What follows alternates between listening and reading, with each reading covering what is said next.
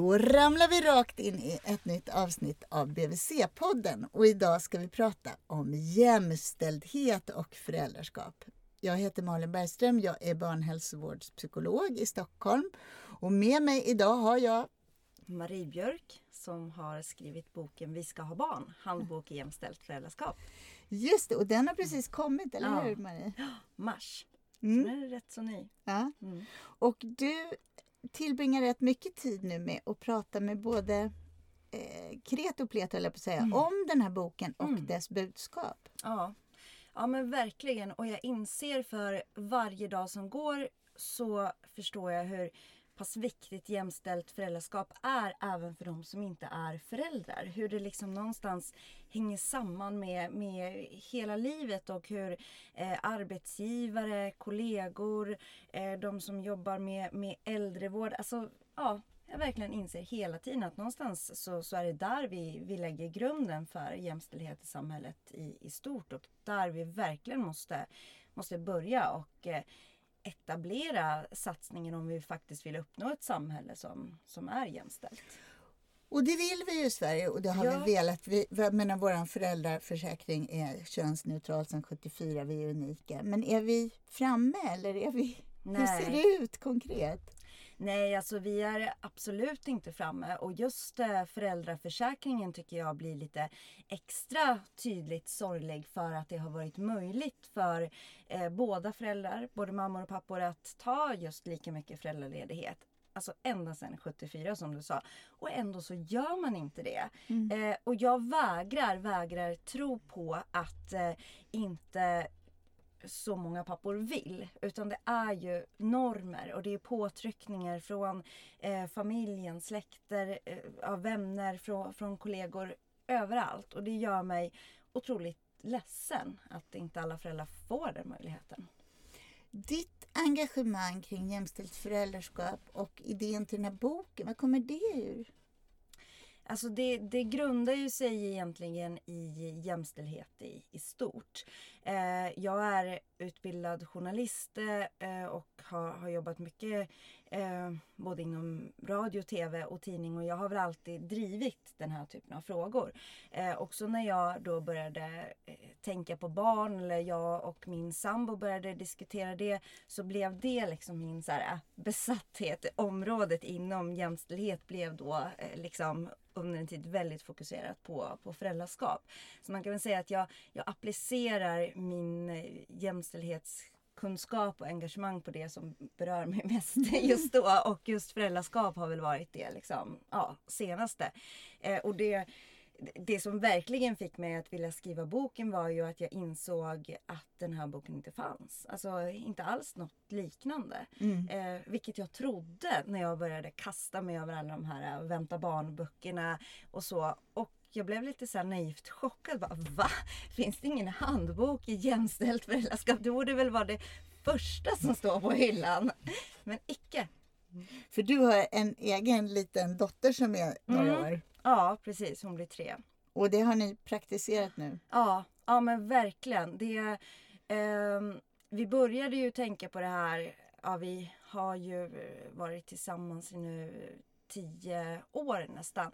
Eh, och det här har ju funnits med oss liksom från start. Alltså, vi flyttade ihop ganska snabbt och då började ju jämställdhetstänket eh, kring sådana liksom, hushållssysslor och sen så bara när vi började prata om barn så var det en självklarhet att, att försöka uppnå ett jämställt eh, föräldraskap.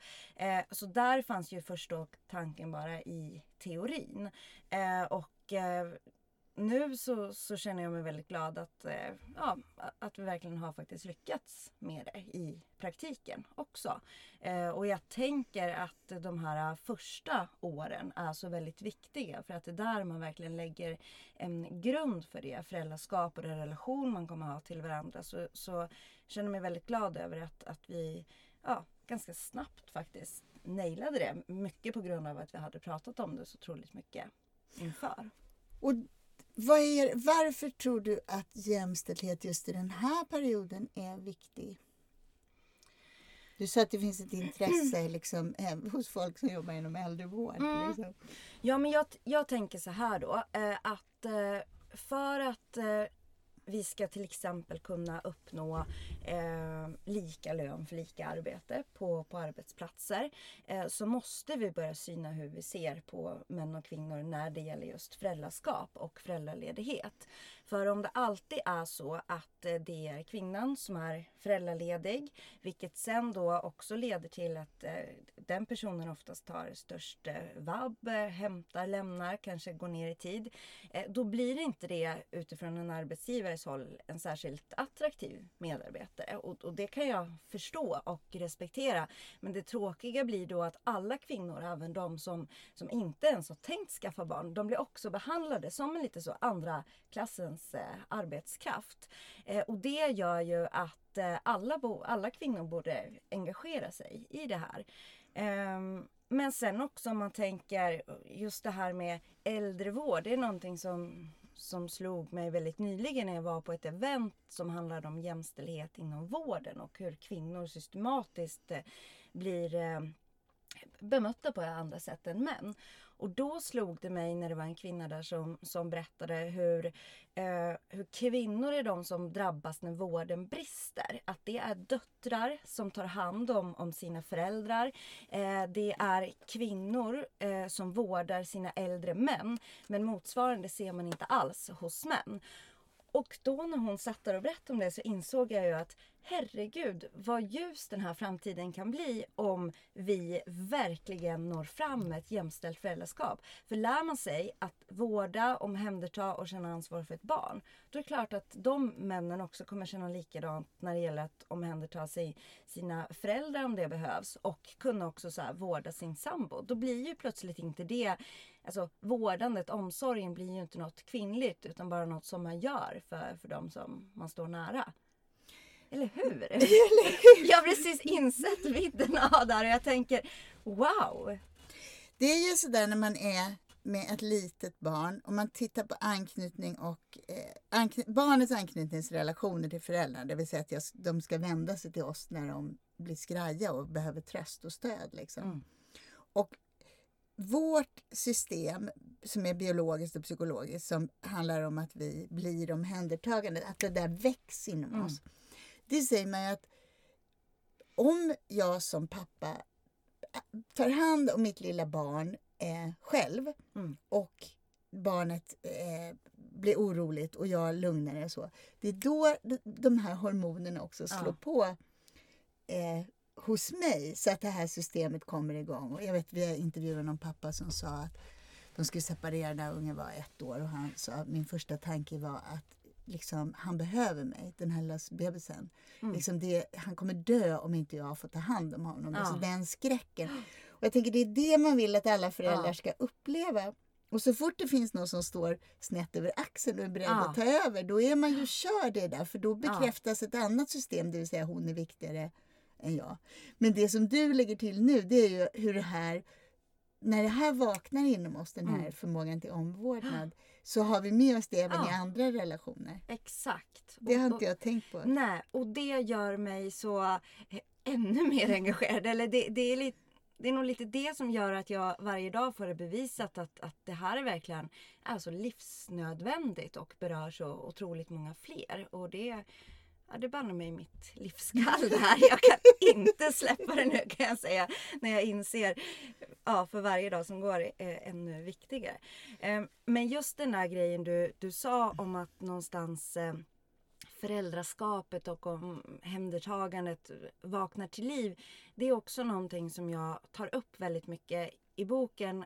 Att man måste eh, låta eh, det komma fram och gärna då så, så tidigt som möjligt. För det läskiga är ju att eh, må många kvinnor kan ju få det lite grann på köpet, alltså rent hormonellt så. Sen är det inget som säger att eh, kvinnor skulle vara bättre på att ta hand om barn bara för det. Men, men, man kan få det där liksom per automatik. Medan för den andra föräldern som inte har burit barn så måste ju det kickas igång. Mm. Och det där kan gå så himla snabbt alltså att bli en negativ spiral. För att eh, jag blev själv ganska förvånad över vilka otroliga hormoner, alltså den här jag måste skydda mitt barn mot allt. Hon, eh, vår dotter föddes i, i november, så här RS-tid. Eh, och jag var så rädd för, för att hon skulle bli sjuk och smittad. Och, och jag bara skrek till alla som ville komma på besök så här, Tvätta dig med tvål och handsprit och kom inte nära förrän du är helt ren. Och jag kände då, oj, tänk om jag hade riktat det här mot eh, min sambo, mot mm. Gabriel. Om jag hade sett honom som en utomstående fara. Och herregud vad det hade skadat både vår relation och hans relation till vår dotter. Och det var jag så glad för att det fanns inte på kartan att, att jag skulle använda mig av den här liksom tigermamma-instinkten. Istället så var jag extra mån om att eh, även han skulle få gå in och bli en sån här liksom, superpappa. Så det blev ju istället att vi båda stod där liksom, och, och steppade upp. Och det tror jag är en väldigt viktig grej för att jag tror att det är lätt att, att det händer och man ska ju känna det där att man ska göra allt för sitt barn. Det är ju något fantastiskt. Men det blir inte fantastiskt om man stöter bort den andra föräldern och börjar tro att det är den som är liksom mm. en del i faran. Jag tänkte på det när du sa att ni hade pratat om det här ända sedan ni flyttade ihop för tio år sedan. Och, ja. För jag tänker, jag, jag tänker på hur Nina Björk blev bemött när hon har skrivit, eh, hon är författare och har skrivit bland annat en bok som heter Under det rosa täcket som var en ögonöppnare för många för länge sedan när hon beskrev hur vi könar barn från första början. Och sen så Senare när hon själv hade fått barn så började hon skriva om vad har vi för samhälle, hur är dagis egentligen, är det här det bästa för barn med förskola för alla och så vidare. Och jäklar vad hon fick höra att hon Ja, men så där är det när du får barn själv, då kommer allting mm. ändra sig. Så jag tänkte, det har säkert du också fått ja. höra, att nu kan ja. du stå här på barrikaden och gapa och skrika. Exakt. Vänta tills du har en unge som ja. bara vill vara med dig själv. Ja, eh, och det är verkligen, det fick jag höra så otroligt mycket under graviditeten verkligen och, och, när jag berättade hur vi skulle dela på föräldraledigheten. Vi delade ju så att vi jobbade halvtid istället för att ta varsina eh, långa sjok. Men du var hemma, när ni var hemma tillsammans först? Ja, va? först precis. Eh, I och med att det var eh, juletid så, så, där, så kunde vi liksom ta väldigt mycket tid tillsammans. Eh, och, och sen så eh, började vi då att vara hemma eh, ett år eh, båda två på halvtid och jobbade halvtid. Men absolut, eh, så många eh, som sa det till mig så här, ja säkert att vi ses på jobbet om, om tre månader. Det tror jag inte. Eh, och jag sa jo, det gör vi. Eh, därför att annars innebär det att jag skulle ta någonting från Gabriel som han vill. Eh, och det var väldigt viktigt för mig att ha med det. Att han så uttryckligen sa att jag vill verkligen vara föräldraledig lika mycket som du. Och då kände jag att så här, hur skulle jag någonsin kunna göra så mot mm. honom. Om det nu skulle bli då som alla sa, att du kommer vilja ta allt. Men hur sjutton skulle jag kunna göra det mot den andra föräldern? Så det tror jag kan vara en ganska viktig nyckel. Att man börjar prata och att båda ser det som sin, sin rättighet. För då tror jag att det är svårare om de där hormonerna som nästan kan göra att man inte tänker logiskt, om de kommer in. Ja men då kanske man i alla fall kan, kan vila på det man har bestämt och, och inte hålla fast vid det bara för bara för att utan mer tänka på, på varför. Jag tänker så här, Marie, hur ser det konkret ut uttag av föräldraledighet idag? Eh, väldigt tråkigt. Under eh, barnens första två levnadsår så tar ju kvinnor ut 80 procent av föräldraledigheten. Eh, Och hur många vabbdagar? Ungefär liknande eh, procentuellt. Det man har kunnat eh, jämföra är att eh, det som är intressant är att vabbdagarna följer med liksom, eh, parallellt. Eh, mm. Så, så man kan se det utifrån den procent som man har tagit föräldraledighet är ganska eh, liknande. Så, så man etablerar ett mönster under ja. barnets första år som sen kommer att följa ja. åtminstone om man ser till vab-statistiken. Ja. Och vab är ju vård av barn för er som inte har koll på ja. det. Som är en rättighet man har ja. upp till barnen är 12 kanske? Ja. Vad skulle jag säga? Men då har vi det, man etablerar ett sånt där mönster och föräldraledighet mm. och du sa att du inte eh, Ja men du vill inte ta Gabriels, din sambos eh, tid. För rent faktiskt så är det ju så här att du har rätt till x antal månader. Mm. Gabriel har, en pappa har rätt till x mm. antal månader. Ja. Och vad som sker i många familjer är att pappan eller medföräldern som inte har fött barnet skriver över sin mm. tid, ger den till ja. mamman som har fött barnet. Ja. Och det tror jag att många inte ens vet om. Mm. Eh, utan man, man har ganska dålig koll på det här. Och, och um, eh, det finns ju vissa P1 har gjort lite sådana pro program där de har tagit upp jämställt föräldraskap och där de har gått ut på stan och frågat eh, män. Vet du hur många månader du har rätt till? Då säger de tre. Mm. Eh, för att det är de där öronmärkta. Men det är ju helt fel svar för man har rätt till precis lika många som, som mamman eller den andra föräldern. Just man, det, man har samma antal månader ja. vardera och sen så finns det några som man inte får föra över på den andra. Ja, så mm. de brinner ju inne då, då om, om, man absolut inte vill ta ut dem. Men det många gör då är ju eh, att de kanske tar ut dem som semesterdagar så att de egentligen faktiskt inte använder dem till det som det är tänkt för. Och att den andra föräldern också är ja, hemma? Ja, precis. Mm. Du, om man tittar på normer för föräldraskap så om man reser till andra länder så eh, är det ju lätt att prata om svensk jämställdhet. Därför mm. att relativt till till exempel Finland eller Tyskland så, ser, så är vi väldigt jämställda här. Ja. Men hur tycker du att normerna ser ut kring mammors och pappors föräldraskap i Sverige idag? Alltså jag tycker att det känns som att vi har eh, vi har möjligheterna, alltså rent lagligt. Alltså förutsättningarna finns. Men jag tycker att vi är väldigt långt ifrån jämställda faktiskt egentligen. Eh, man behöver bara ta sig till, till närmsta eh, BVC eller öppna förskola eller så för att faktiskt se det ganska tydligt. Eh, att det är mer mammor där? Ja, precis. Men också just det här för att jämställdheten verkligen ska bli någonting någonting positivt. Också om man pratar utifrån ett hälsoperspektiv från, från kvinnor så handlar det också om ett delat ansvar.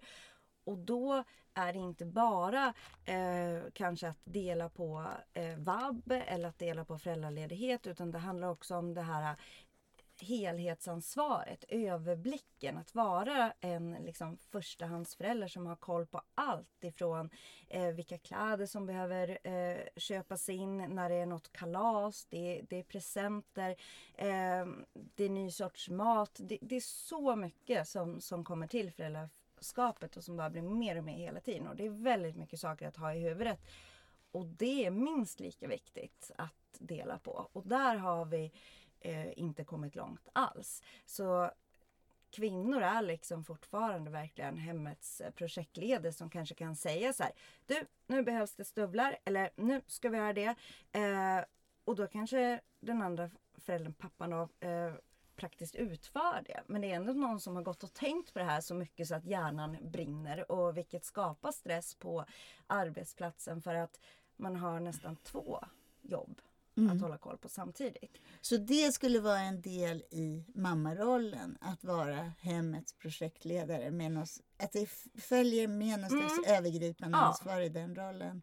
Exakt, som absolut inte eh, finns i, i ja, papparollen idag. Men tycker du att det kommer med eh, att jag att min omsorg om barnet väcks? Eller handlar det egentligen om andra saker? Om omgivningens förväntningar och en norm som jag uppfostras in i som mamma av mina kompisar och det jag läser och hör. Och... Ja, det tror jag. Och jag tror också att just den biten eh, kan man prata om även om man inte har barn. Det, det är flera som har läst min bok bara av, av, av rent intresse för, för att de brinner för, för frågan eh, och som kan väldigt mycket känna igen sig och också applicera flera av mina här, tips och råd även om de inte har något barn. Eh, och jag är lite kluven till den här frågan som jag ibland kan få att blir det blir en relation ojämställd för att barnet kommer. Eh, och det tror jag egentligen inte. Utan jag tror att föräldraskapet någonstans förtydligar och problematiserar eh, mönster och normer som redan finns där. Men att det blir extra tydligt. Och inte bara extra tydligt, det blir också extra jobbigt. Eh, så var det faktiskt eh, i min egen relation. Jag trodde nog att vi var mer jämställda när det kom till hushållssysslor än vad vi faktiskt var. Eh, för jag hade just det här projektledaransvaret. Eh, och det hade inte jag sett. För det var så självklart inbyggt i mig. Mm. Så jag trodde ju, vi städar ju tillsammans, vi lagar maten tillsammans, vi handlar tillsammans. Men vem var det som bara visste på millimetern hur mycket mjölk det fanns kvar? Vad vi borde äta upp i frysen innan det blir dåligt. Eh, nu måste det köras en tvättmaskin för att nu finns det inte ett par strumpor kvar. Ja, det var jag som bara gjorde det per automatik. Och när barnet kom och och vi var sömnlösa och, och det var väldigt mycket jobbigt. Då orkade inte jag det. Och då förstod jag så här, men gud vad jag lägger mycket tid.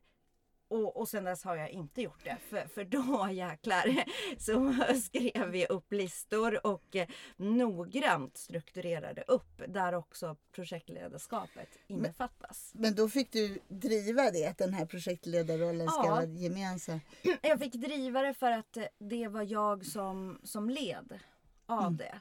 Eh, och, och det Ja, ja, fast egentligen så tror jag att vi led av det lite båda två. Eh, för att Gabriel hade en känsla av lite grann att, att, eh, eh, att han inte var lika liksom, eh, duktig som, som jag på att eh, tvätta eller hålla efter det till exempel. Så han kände väl alltid någon sån här liten så här stress.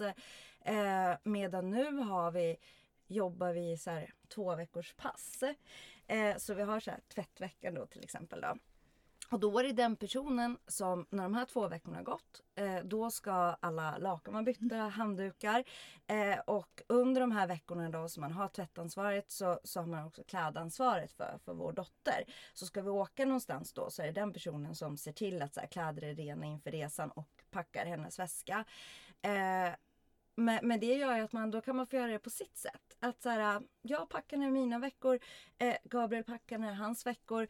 Vill jag stå och tvätta en hel natt sista dagen, ja då gör jag det, bara mm. det är klart. Mm. Eh, vill man dutta med en maskin varje dag, ja då gör man det. Det Så betyder det... att man i den här projektledarrollen, när du väldigt konkret och klev tillbaka från den, mm. då handlar det också om att du inte kan bestämma vad ert barn ja. har på sig de oh, veckorna. Ja Jättebra att du säger det. Gabriel står för det. Ja, för man kan absolut inte äta kakan och den samtidigt. Och, och, det påminner jag mig om exakt hela tiden att eh, det är inte värt det. För tro mig, jag har stått och sneglat på kläder och tänkt att kanske om jag knuffar fram dem först där i högen så kanske Gabriel väljer dem till festen. Men tar han något annat så tycker jag att det är så värt det för att jag vill inte vara, vara ensam om att eh, eh se till så att hon har eh, rena kläder eller kläder i rätt storlek. Herregud vad de byter storlek de första åren. men, men du Marie, tror du att eh Tror du att du är typisk på det sättet? För jag kan också tänka mig att det finns fördelar med den här projektledarrollen. Att jag vill att blommorna ska vara ordnade på ett visst sätt på bordet eller att ungarna ska ha... Det ska passa ihop. Ja. Eller jag vill bestämma och påverka sånt. Eller liksom... Tror att, att det är för ett gemensamt val, det här med projektledarrollen, där man som mamma också finner någon slags tillfredsställelse i det? För jag känner att jag har koll och jag får bestämma på det här området och så vidare. Det låter som någon rest mm. från något gammalt hemmafru-ideal när det här var vårat värld. Eh, alltså jag förstår, för jag tror att skulle det inte finnas någon tillfredsställelse i det så skulle man inte hålla på. Mm. Det, det, så det tror jag. Det är bara det att jag tror att om man synar det utifrån ett jämställdhetsperspektiv så förstår man nog, och jag tror det är många som kommer fram till då, att det inte är värt det. Alltså just den här stressen eh, som många kvinnor upplever efter att de har fått barn. Någon sån statistik finns ju inte gällande eh, män som har blivit småbarnsföräldrar. Och börjar man sätta ihop det, att det har att göra med de här grejerna, eh, så tror jag att fler skulle landa i att det är inte värt det. Och så kan man kanske välja ett område. Eh, eller som vi gör, turas om. För att då, då får man ju bestämma, men man får bestämma halva tiden. Eh, och, så då får man liksom lite utlopp för det. Samma med städning om man gör så att ja, under de två veckorna så, så kan man då, vill man att det ska vara kliniskt rent, ja men putsa på det under dina mm. ansvarsveckor. Och våga släppa det lite under det andra och märk hur du mår. För det är det, man måste prova det också för att se. Precis, jag, jag sitter och tänker precis på det att om man har en mer traditionell fördelning av ansvar där jag är någon slags projektledare. Eh, så skulle man ju just kunna prova för att se Mm. vad, vad händer om jag släpper. Alltså får barnet asfula kläder Mm. eller blir det mögar ihop hemma? Eller är det så att det faktiskt vaknar något hos den andra föräldern och jag Precis. vinner någonting i form av Ja. reducerad stress då? Ja, alltså jag kan säga att jag har aldrig varit så, så lugn i mitt huvud sen, sen vi gjorde det här. Och det är så skönt. Innan så, det var så mycket jag gjorde utan att tänka på det. Att när jag skulle gå på toaletten så kunde jag snegla ner i tvätt, liksom, ja, tvätthögen och bara så här, kan det vara en vit tvätta kanske som jag kan slänga in lite samtidigt som jag kissar. Medan nu skulle det skulle inte falla mig in att tänka på det. Så under två hela veckor så bara vet jag att jag får rena kläder serverade. Och det är så skönt. Så då kan jag tänka på något annat. Och under matveckorna när jag cyklar hem från jobbet är det inte så att jag klurar på vad ska vi äta? För det vet jag att det har Gabriel koll på att det finns saker att, att laga. Och det frigör så mycket liksom, energi att jag kan tänka på roligare saker helt enkelt. Och vad det har gett också för vår relation är ju att eh, vi har aldrig bråkat så lite. Innan så var det som att det regelbundet byggts upp en slags ilska i mig. Eh, just för att jag ju kände att jag gjorde mer men det var som att jag klarade av det under en viss tid. Och sen brast det. Och så kunde det vara så här. Du tvättar fan aldrig. Det är alltid jag. Och nu står jag här utan några trosor och ska till, till jobbet. Eh, och så kunde det gå någon månad och sen fan alltså att disken inte, att det inte är urplockat. Och, och så bara löpte det där på. Gabriel kände sig lite eländig och, och, och tyckte att så här, jaha, ska vi bygga upp vårt gemensamma hem enligt dina mått mätt eller kan vi mötas här? Och ja, det var lite sådär för vi är ganska olika. Ehm, Det där tror jag många kan relatera Ja. till att man man biter ihop och så är man lite duktig och sen exploderar Ja. man och sen så skärper man sig några dagar och sen glider det tillbaka. Ja. Liksom. Nej, så, Så det, det- här är sånt kärlekstips alltså. Och tips för ens eget huvud. För att jag tror att det, det- är någonting som, som jag tycker är väldigt viktigt att prata om. Just den här faktiskt alarmerande sjukskrivningen som eh, Försäkringskassan och fackförbund faktiskt har börjat uppmärksamma nu. Det är jag väldigt glad för. Just när det gäller kvinnor i ganska ung ålder. Och att man äntligen har gjort kopplingen att det är inte en slump att kvinnor inom ett särskilt åldersspann drabbas av de här sjukskrivningarna och stressrelaterade sjukdomar. Nej, det är kvinnor som precis har fått barn. Och då har man börjat förstå att det är ju hemmiljön som stressar. Och så sjukskrivs man fr- från sin arbetsplats. Men man sjukskrivs inte från projektledarrollen hemma som kanske är exakt det man skulle behöva sjukskriva sig ifrån. Eh, och, och därför så blir det här väldigt väldigt viktigt att... Eh, Så ditt tips är verkligen konkret. Två Ja. veckor ansvar, Ja. två veckor Ja. inte ansvar. och, och se också, kunna se vad skönt det är och inte bara så här, åh nej, nu, nu fick vårt barn på sig den där eh, kläderna eller åh nej, jag skulle mycket hellre satt upp de där gardinerna. Ja, det kanske jag skulle. Men vad skönt för det att veta att allt det där blir gjort ändå. Byt nästa onsdag. Ja, precis. Exakt, det är så man får göra. Och jag tycker egentligen att, eh, att det är ett ganska respektfullt sätt alltså om man vill leva ihop. Alltså, varför är det en person som, som ska bestämma hur det ska vara? Jag, jag, jag tycker att det är ett ganska så här, ett vackert sätt liksom, i, i en relation. Och istället för att alltid kompromissa så att det blir lite halvdant, både halvnöjda. Eller ännu värre, bara en är nöjd. Så gör man så här. Så, så att man nästan så här... Ja, men jag tror det är lite det här, leva nästan som att man är eh, särbos.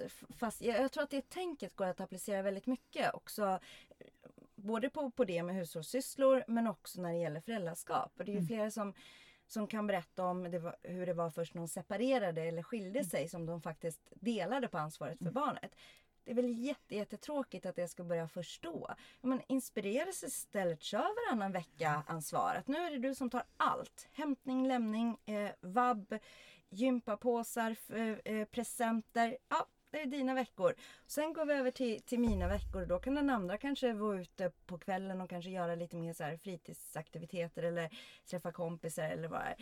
Det, väl, det kan man väl unna sig även fast att man är tillsammans tänker jag. Jag känner igen det där jätteväl från, jag håller på att forska på växelvis boende Ja. och det är ju det många föräldrar beskriver hur, vad händer efter en separation? Jo, det, jag måste utveckla ett helt annat föräldraskap. Mm. Jag måste bli bredare, jag måste både kunna göra flätor och mecka, laga ungens cykel. Liksom.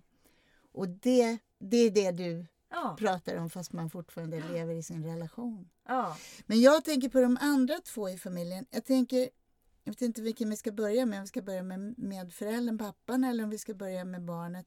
För att för många, om vi börjar med barnet, så är ju en orsak till att ojämlikhet galopperar och att projektledarrollen blir mer och mer min som mamma, att jag skapar ett mönster med barnet som gör att hon kommer att vända sig mer och Mm. mer till mig. D- där det här bara rullar på som en Mm. snöboll. Liksom. Mm. Och är det verkligen bra för barn att man är borta och har fritid varannan vecka och turas om så här? Hur tänker du kring det? Jag tror det att om, eh, för det fina med om man bygger upp ett jämställt föräldraskap från start, det, det man ger sitt barn är ju att känna sig lika trygg med, med båda föräldrar. Och då blir ju allting sen så betydligt mycket enklare. Eh, att då blir det inte att det eh, är bara en förälder som duger. För jag tycker inte att det, det är inte konstigt att ett barn föredrar den föräldern som har varit mest hemma, den som den känner är mest trygg. Det är inget konstigt alls.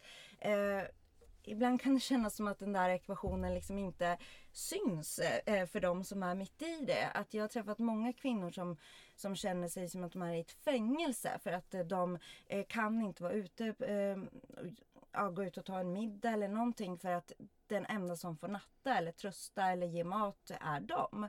Eh, och så börjar jag ofta då skrapa lite på, på ytan och fråga, jaha, hur har ni gjort med föräldraledighet?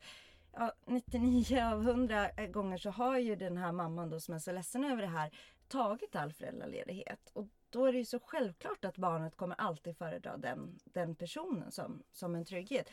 Och då tänker jag att eh, har man tidigt eh, ehm, visat barnet att här har du flera trygga famnar. Då tror inte jag att det blir särskilt konstigt att eh, den ena föräldern är mer synlig eh, ena veckan och, och andra föräldern nästa vecka.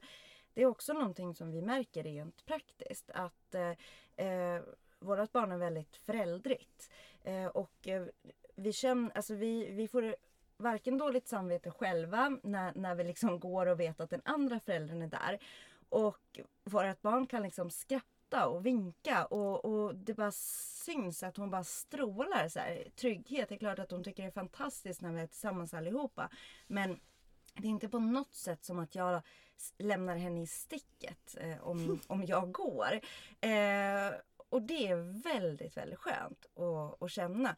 Som såna här eh, liksom de, den värsta typen av dagislämningar så kan ju vissa ha i sin relation. Mm. Och det måste, alltså jag kan inte förstå hur ont det måste göra. Både för den, oftast då mamma som kanske känner, nu ska jag ta mig lite frihet. Och vem tusan tycker att den friheten är värd det? Om barnet står och bara är så förtvivlat som att man har stoppat in sin unge i en så här varggrop och så är det egentligen en pappa. Och jag kan inte för mitt liv förstå hur det måste kännas att vara den föräldern som bara Ja, kom till mig. Du skriker som att jag är liksom den värsta person du kan tänka dig hela... Alltså att vara den föräldern. Och känna att du vill inte vara med. Alltså, Men det Gud. du säger egentligen Marie, det är att det här är en träningssak. ja. Att jag backar som mamma, eh, den andra föräldern tar ett steg fram Mm. och att man på så sätt vänjer barnet vid att det är Ja. tryggt med oss båda. Liksom. Verkligen. Och att då just eh, börja öva det så, så tidigt. För jag tänker mera, om man nu inte råkade ha gjort det så Mm. tidigt, så går det ju att etablera även om barnet är lite större. Alltså, Ja, därför att det är en ja, det kan väl du Liksom. säkert svara ännu mer på liksom som, ehm, som psykolog. eh, hur, hur det funkar liksom med, Jag brukar säga, men när man pratar om mamma och pappighet så brukar jag säga att det finns två vägar att gå. Antingen så orkar man inte gå emot barnet utan man Mm. låter den lägga som barnet helst vill. Och det, barn kan ju vara pappiga lika väl Mm. som de är mammiga. Det, kan, det är inte bara vem som har varit mest hemma. Det kan ju vara andra grejer som gör att man hookar upp med någon också. Men eller så går man precis motsatta väg. Ja. Att man lär barnet ett mönster. Att nu är det två kvällar jag och sen Mm. är det två kvällar din andra förälder. Och, så. och det är klart att barn lär sig det.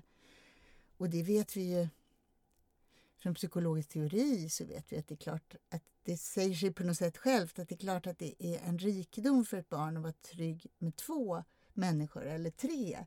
Därför att barnet blir mindre sårbart. Mm. Om jag är utelämnad till en relation och den människan brakar ihop eller Ja. blir deppig eller blir sjuk eller så är det med ett mer sårbart system. Så liksom evolutionärt sett så fattar man ju att barn, eller man tänker så idag när man pratar om anknytning, att det är ju ett system av relationer som på något sätt barnet Mm. kanske har en medfödd förväntan omkring därför att det är det som gynnar avkommans Ja. överlevnad. Det är väldigt basalt. Liksom. Men om vi tänker titta på pappans roll eller Mm. den andra förälderns roll så tänker jag kring papparollen att det finns ju något att vi, alltså i, i traditionella eh, man har, i traditionella föräldraroller så är det ju kanske en vinst att slippa vara projektledare. Mm. Men män har ju ofta förväntan om att dra, dra hem stålar fortfarande i högre utsträckning än kvinnor. Ja, alltså en av anledningarna till att jag nog aldrig kommer sluta prata om just jämställt föräldraskap är ju för att det är så, så positivt. Alltså att det är så roligt. Jag har ju jobbat och jobbar med många andra eh, jämställdhetsprojekt som kanske mer är inriktat på eh, sexuellt våld och, och andra typer. Och, och där eh, är det inte lika tydligt eh, vad, vad männen vinner. Eh, men i jämställt föräldraskap så finns det så, sådana enorma vinster. Att där kan jag på många sätt tycka både synd om män, alltså, så här, i, alltså om man tänker i generationer. Och jag kan heller inte förstå varför inte fler män har ställt sig på, på barrikaderna och krävt rätten till eh, sina barn och det nära föräldraskapet. Fast det jobbar ju jag med nu faktiskt runt om i Europa och i Ja. Nordamerika och så där det pågår en stark rörelse bland pappor kring att vi, när vid en separation, så jag, jag dör om jag måste ha mitt barn varannan helg. Mm. Och det finns en lagstiftning i många länder som ser ut så där jag som mamma inte vill dela föräldraskapet lika efter en separation därför det kostar mig ekonomiskt Ja. så mycket. Och jag har så taskig situation för att systemet ser ut så, så att Ja. det är svårt för mig att släppa ifrån mig.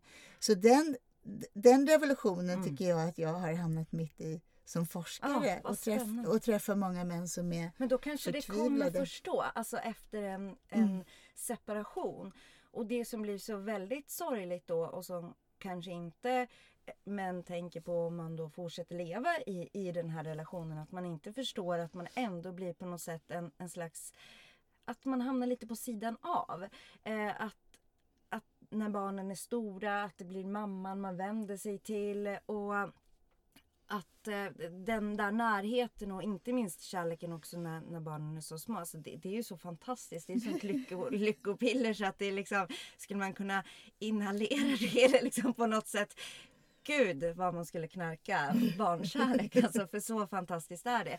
Och det kan jag eh, tycka uppriktigt supersynd om män. Att de har gått miste om just den, den biten. Men betyder det inte att om jag som kvinna släpper på min projektledarroll så måste jag också släppa på mina förväntningar om eh, att någon annan ska bidra kanske i högre utsträckning än jag till försörjningen i familjen.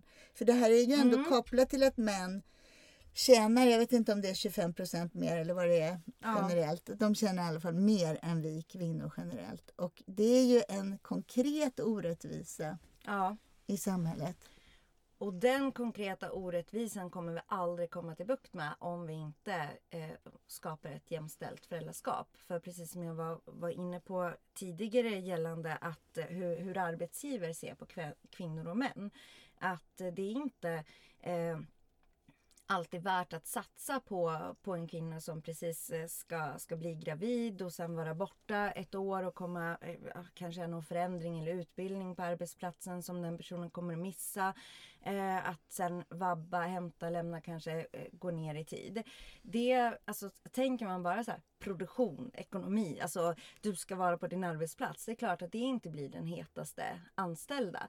Eh, men, men lite man... säger det då att jag som enskild mamma eller som enskild familj, jag ska driva en samhällsförändring mm. genom att vi börjar vi börjar dela mer lika ja. och så i längden ska det leda till något ja. annat. För där tror jag många kan känna att det, det där känns tungt. Liksom. Ja, nej men man, alltså i och med att det hänger ihop så går det inte att, att eh, det blir väldigt fel att använda ekonomi som ett argument för att inte dela lika. När det är på grund av att vi inte delar lika som, som lönerna för män och kvinnor är så olika. Så tycker vi att det är ett problem.